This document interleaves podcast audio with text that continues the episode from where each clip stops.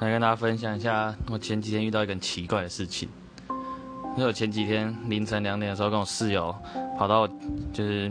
seven 吃宵夜，然后吃完出来的时候，听到奇怪的声音，就是听到路上有呲呲呲呲呲很大声的声音，然后抬头一看，看到旁边一个商办大楼有个有人在半夜在洗墙壁，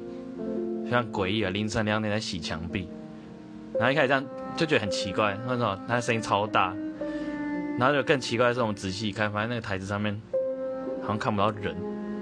那不了就觉得事情太诡异了。凌晨两点，一个很大声的水管，然后上面没有人，然后这里在水一直喷，不知道是哪一个智障忘记关水管。嗯，差不多就是这样，诡异的故事分享给大家，啵啵。